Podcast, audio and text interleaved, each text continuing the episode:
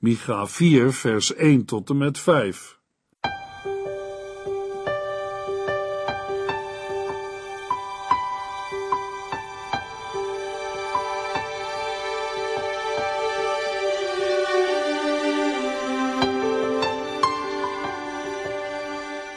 Hartelijk welkom bij De Bijbel Door, een programma van Transworld Radio.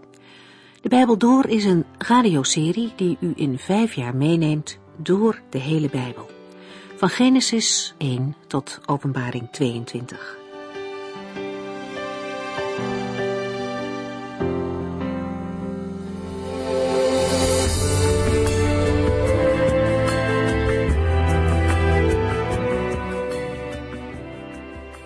Lieve mensen, welkom.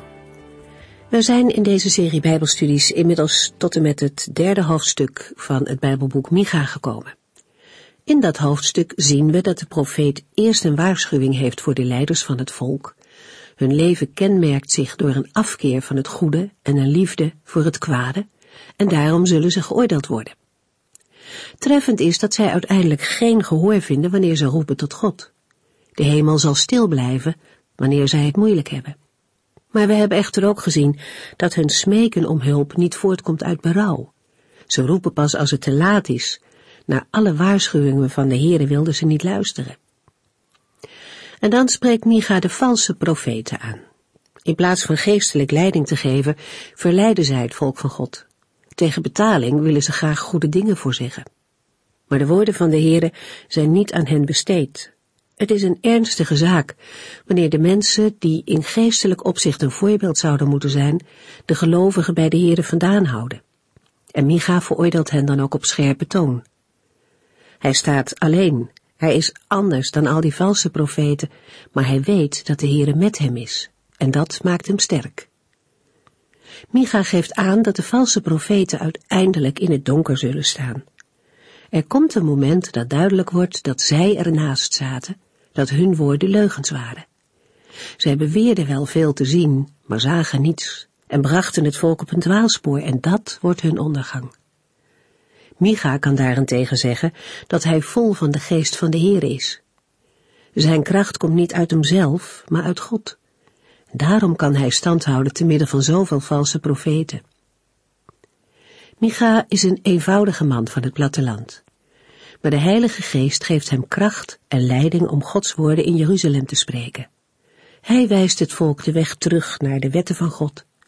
Hij spreekt over het oordeel dat een gevolg van ongehoorzaamheid is, maar ook over genade die volgt op bekering. Micha's evangelie is niet half, hij spreekt Gods waarheid. En alleen die waarheid brengt echte rust in het hart van de mens.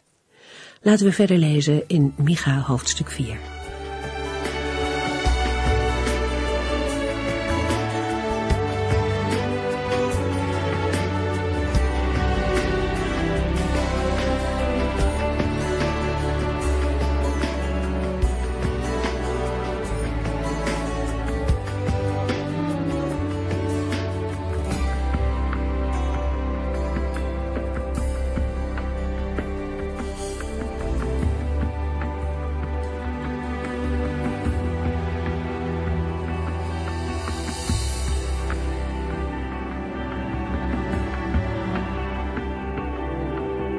De vorige uitzending sloten we af met de valse gerustheid die de leiders van het volk aan het volk verkondigden met de woorden: Alles is in orde, want de Heer is in ons midden, ons zal niets overkomen.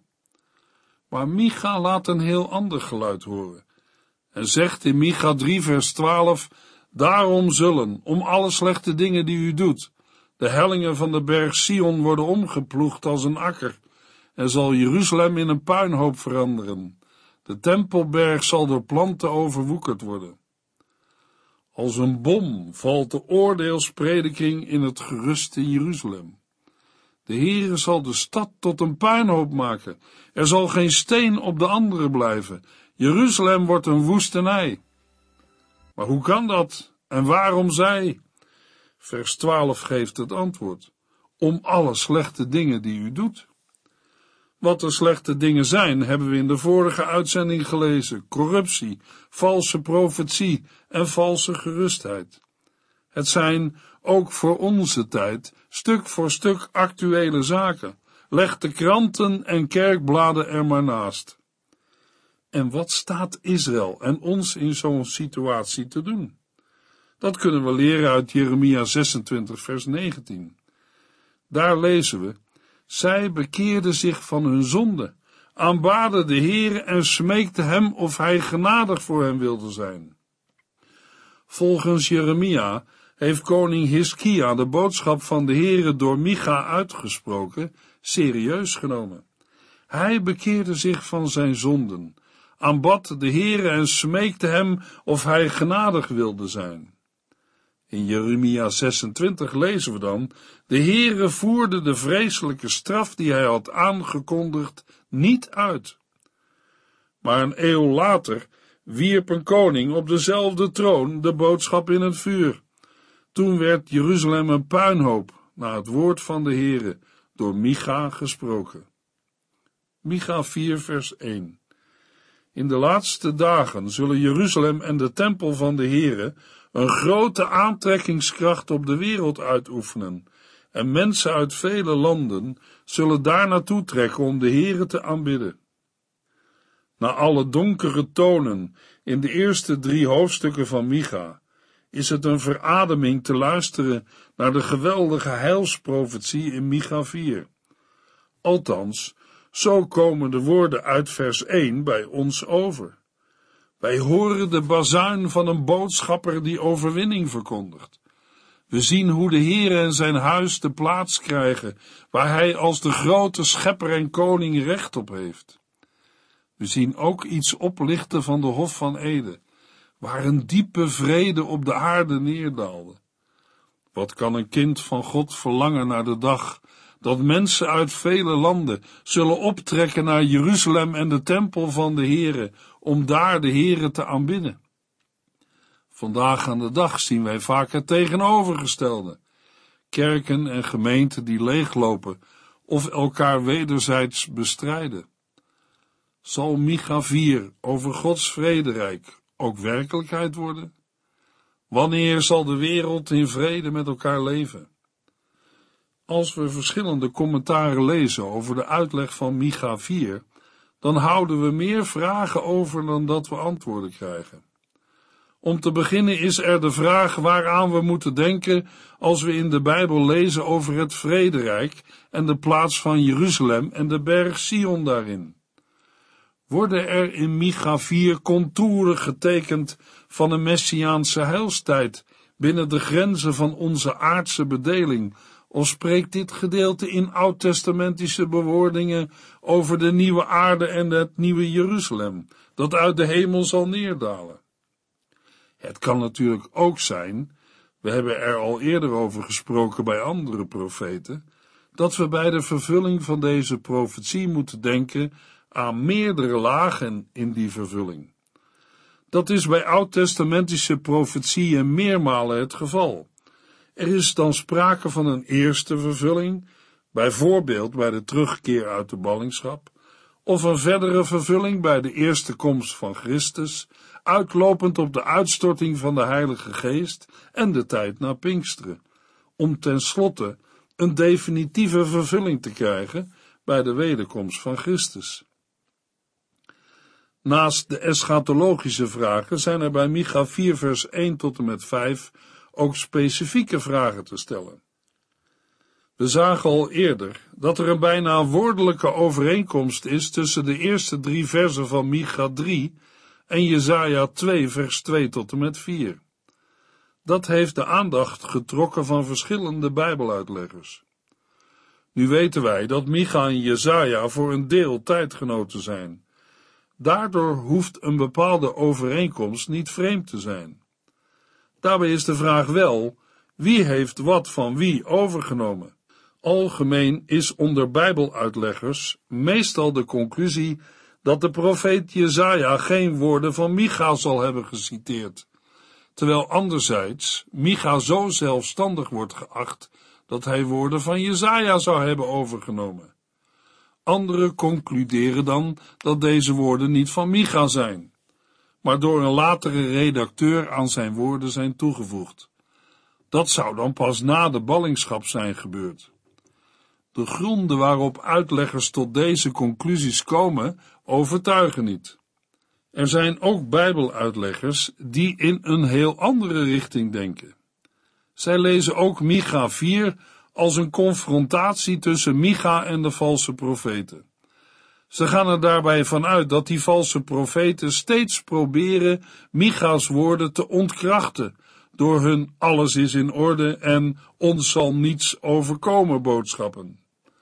Volgens deze Bijbeluitleggers zouden zij dat hier ook gedaan hebben, en dan nog wel met woorden van de bekende profeet Jezaja. Op zichzelf is dat wel mogelijk. Ten slotte heeft iedere ketter zijn letter en is de duivel het gevaarlijkst als hij als een engel van het licht het woord van God misbruikt voor zijn eigen plannen. Zo kwam hij ook tot de Heer Jezus bij de verzoeking in de woestijn. Toch vraag ik me af of we met deze uitleg op het goede spoor zitten. Is het niet wat ver gezocht? Stellen we daarmee Micha en Jezaja niet tegenover elkaar? Want Jezaja en Micha hebben deze woorden beide gesproken als van God zelf ontvangen en gesproken. Met andere denk ik dat het ook niet nodig is om zulke omtrekkende bewegingen te maken. Het is waar dat het eerste vers van Micha 4 iets heel anders zegt dan het laatste vers van Micha 3. Maar er is niets op tegen en ook geen aanleiding voor om de beide hoofdstukken gewoon chronologisch op elkaar te laten volgen. De meeste Bijbeluitleggers zijn van mening dat de hoofdstukken bij elkaar horen.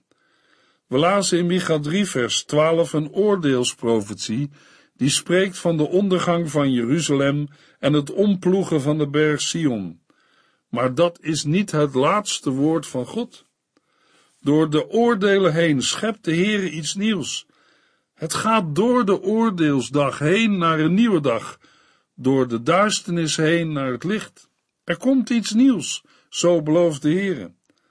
Daarom kan de apostel Petrus in 2 Petrus 3 vers 13 schrijven, maar waar wij eigenlijk naar uitkijken, dat zijn de nieuwe hemel en de nieuwe aarde die God beloofd heeft. Daar zal alles goed en rechtvaardig zijn. Zo kunnen we het slot van Micha 3 en het begin van Micha 4 ook lezen, als een profetie van de Heere bij monden van de profeet Micha. Micha 3 vers 12 is niet Gods laatste woord. Na Micha 3 vers 12 komt Micha 4 vers 1.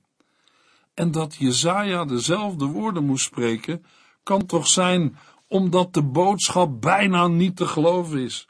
Als de oordelen over Jeruzalem losbarsten, dan lijkt het einde gekomen. Maar Micha en Jezaja verkondigen in opdracht van de Heere dat het oordeel niet het laatste woord is. Niemand hoeft te twijfelen aan de echtheid van Gods woord, verkondigd door de profeten Micha en Jezaja. In de laatste dagen zullen Jeruzalem en de tempel van de Heere een grote aantrekkingskracht op de wereld uitoefenen, en mensen uit vele landen zullen daar naartoe trekken om de Heere te aanbidden.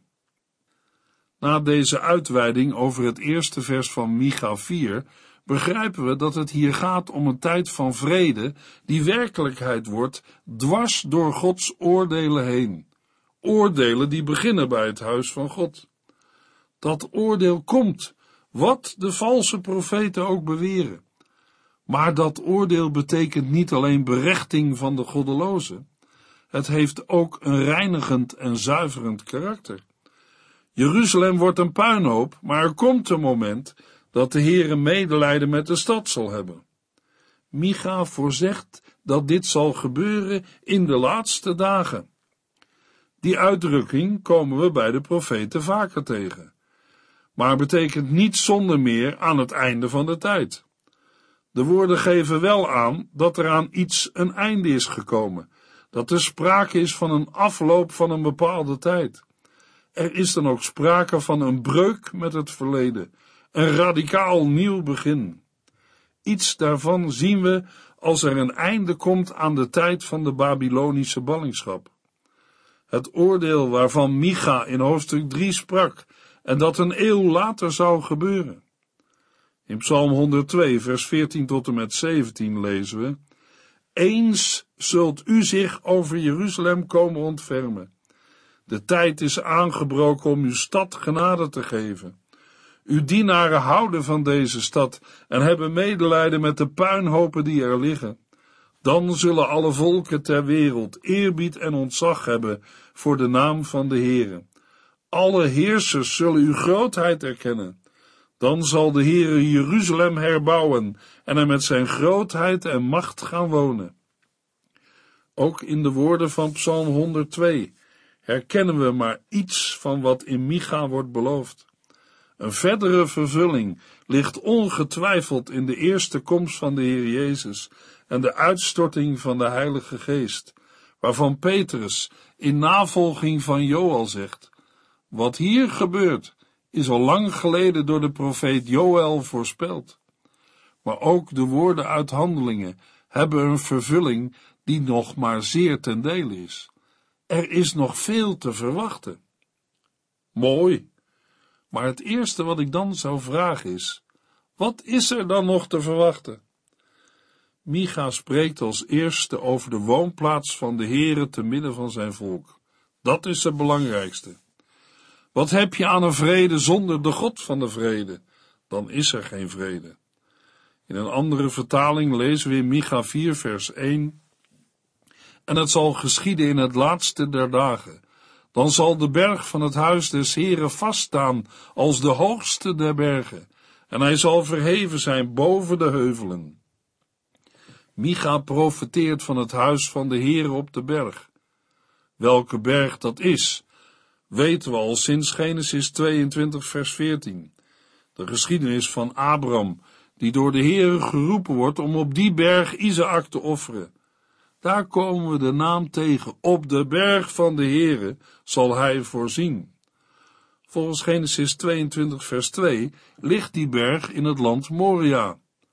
Bij de start van de bouw van de tempel lezen we in 2 Kronieken 3 vers 1 Zo begon dan eindelijk de bouw van de tempel.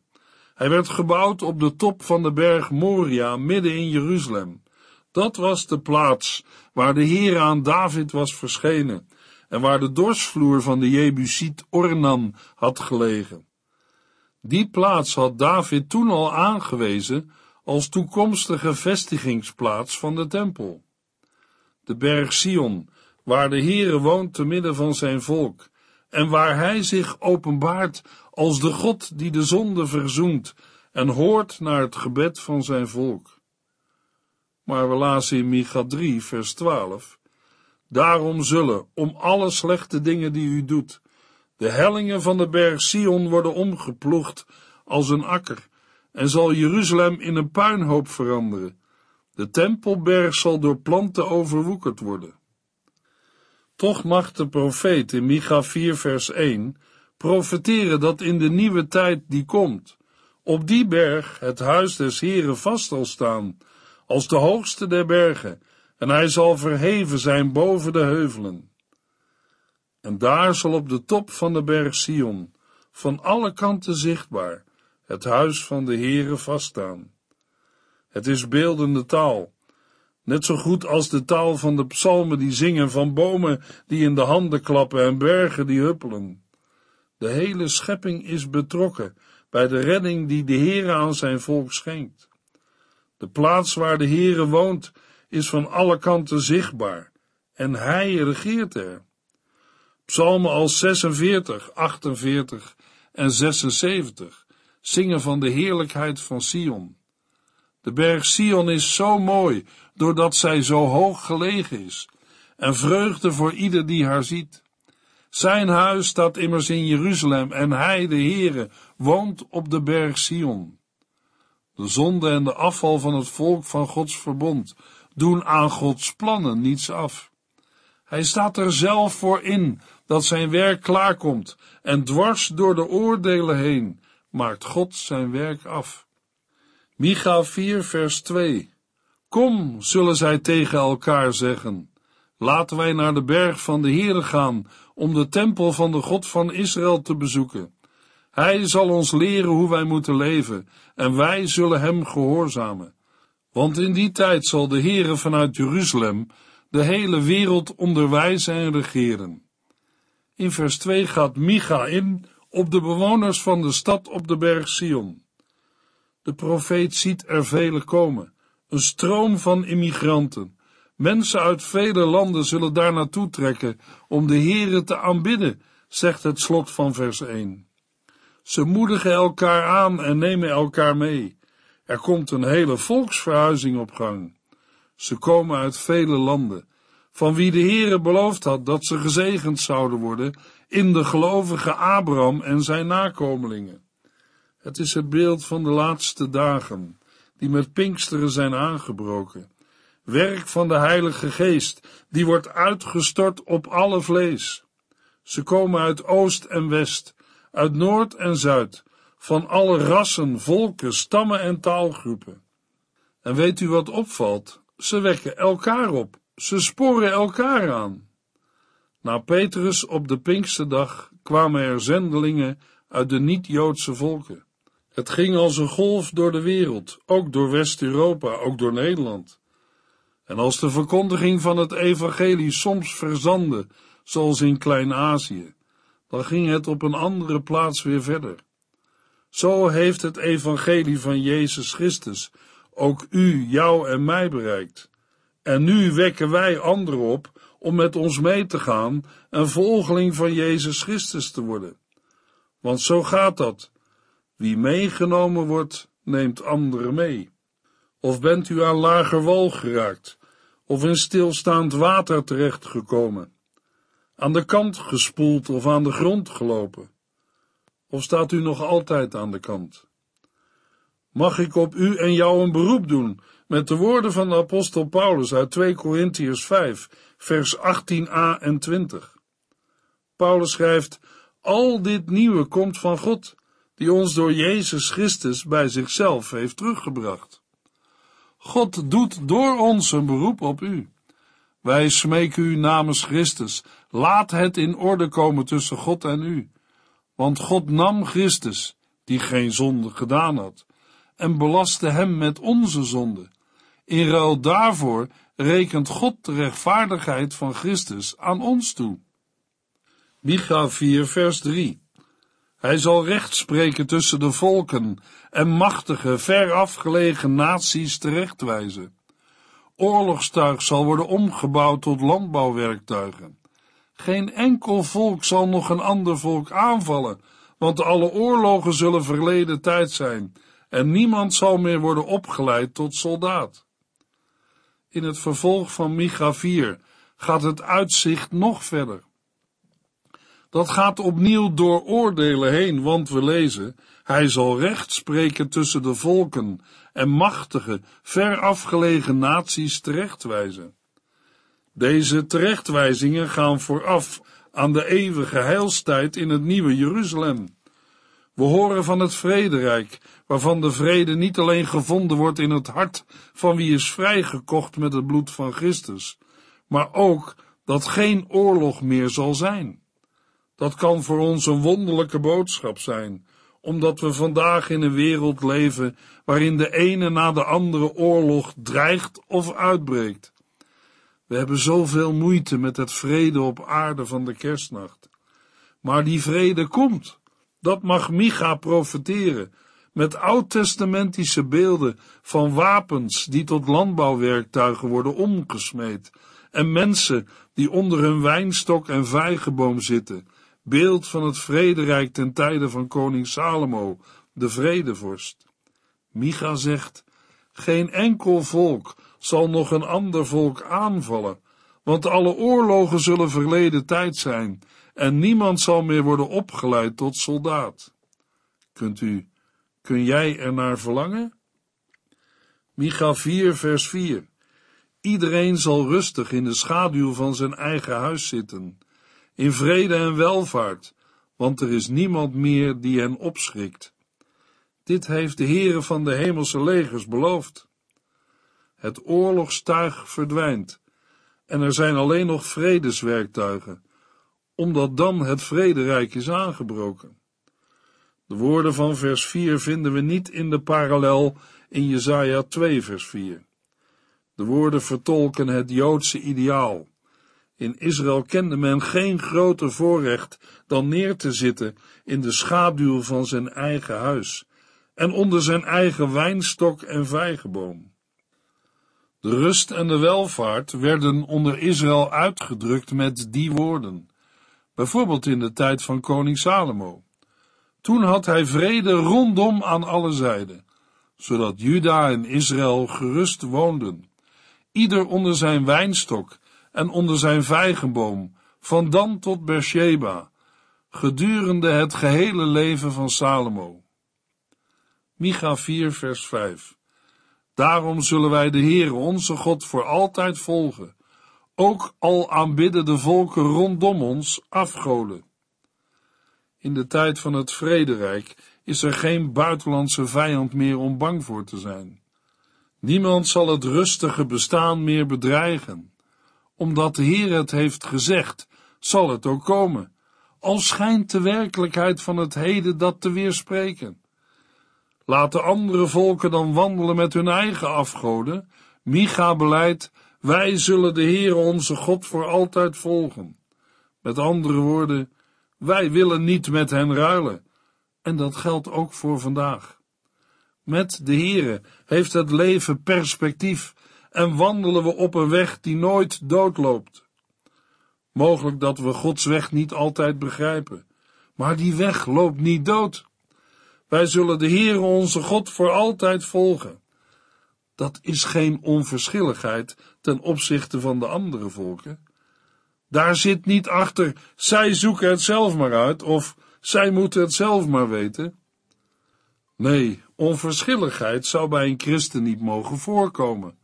Hoe zou dat kunnen? Als je zelf door de Heere bent verlost, en als er onder de niet-gelovigen mensen die op andere wegen gaan, mensen zijn die je lief en dierbaar zijn.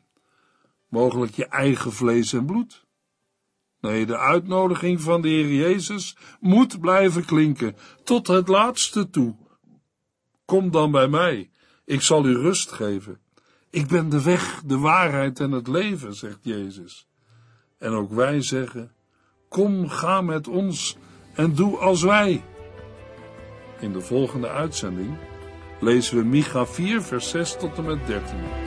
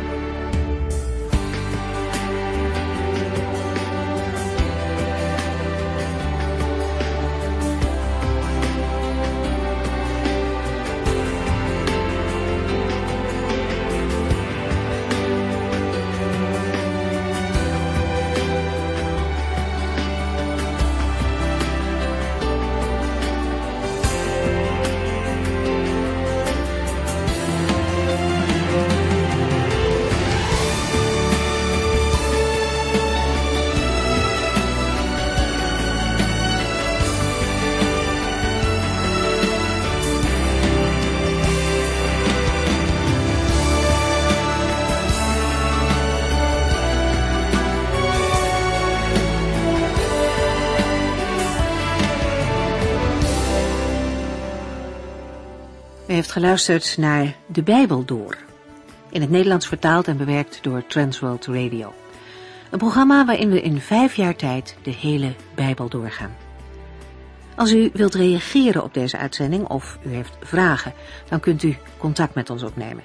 Tijdens kantooruren kunt u bellen op 0342 478432. 0342 478432. 32.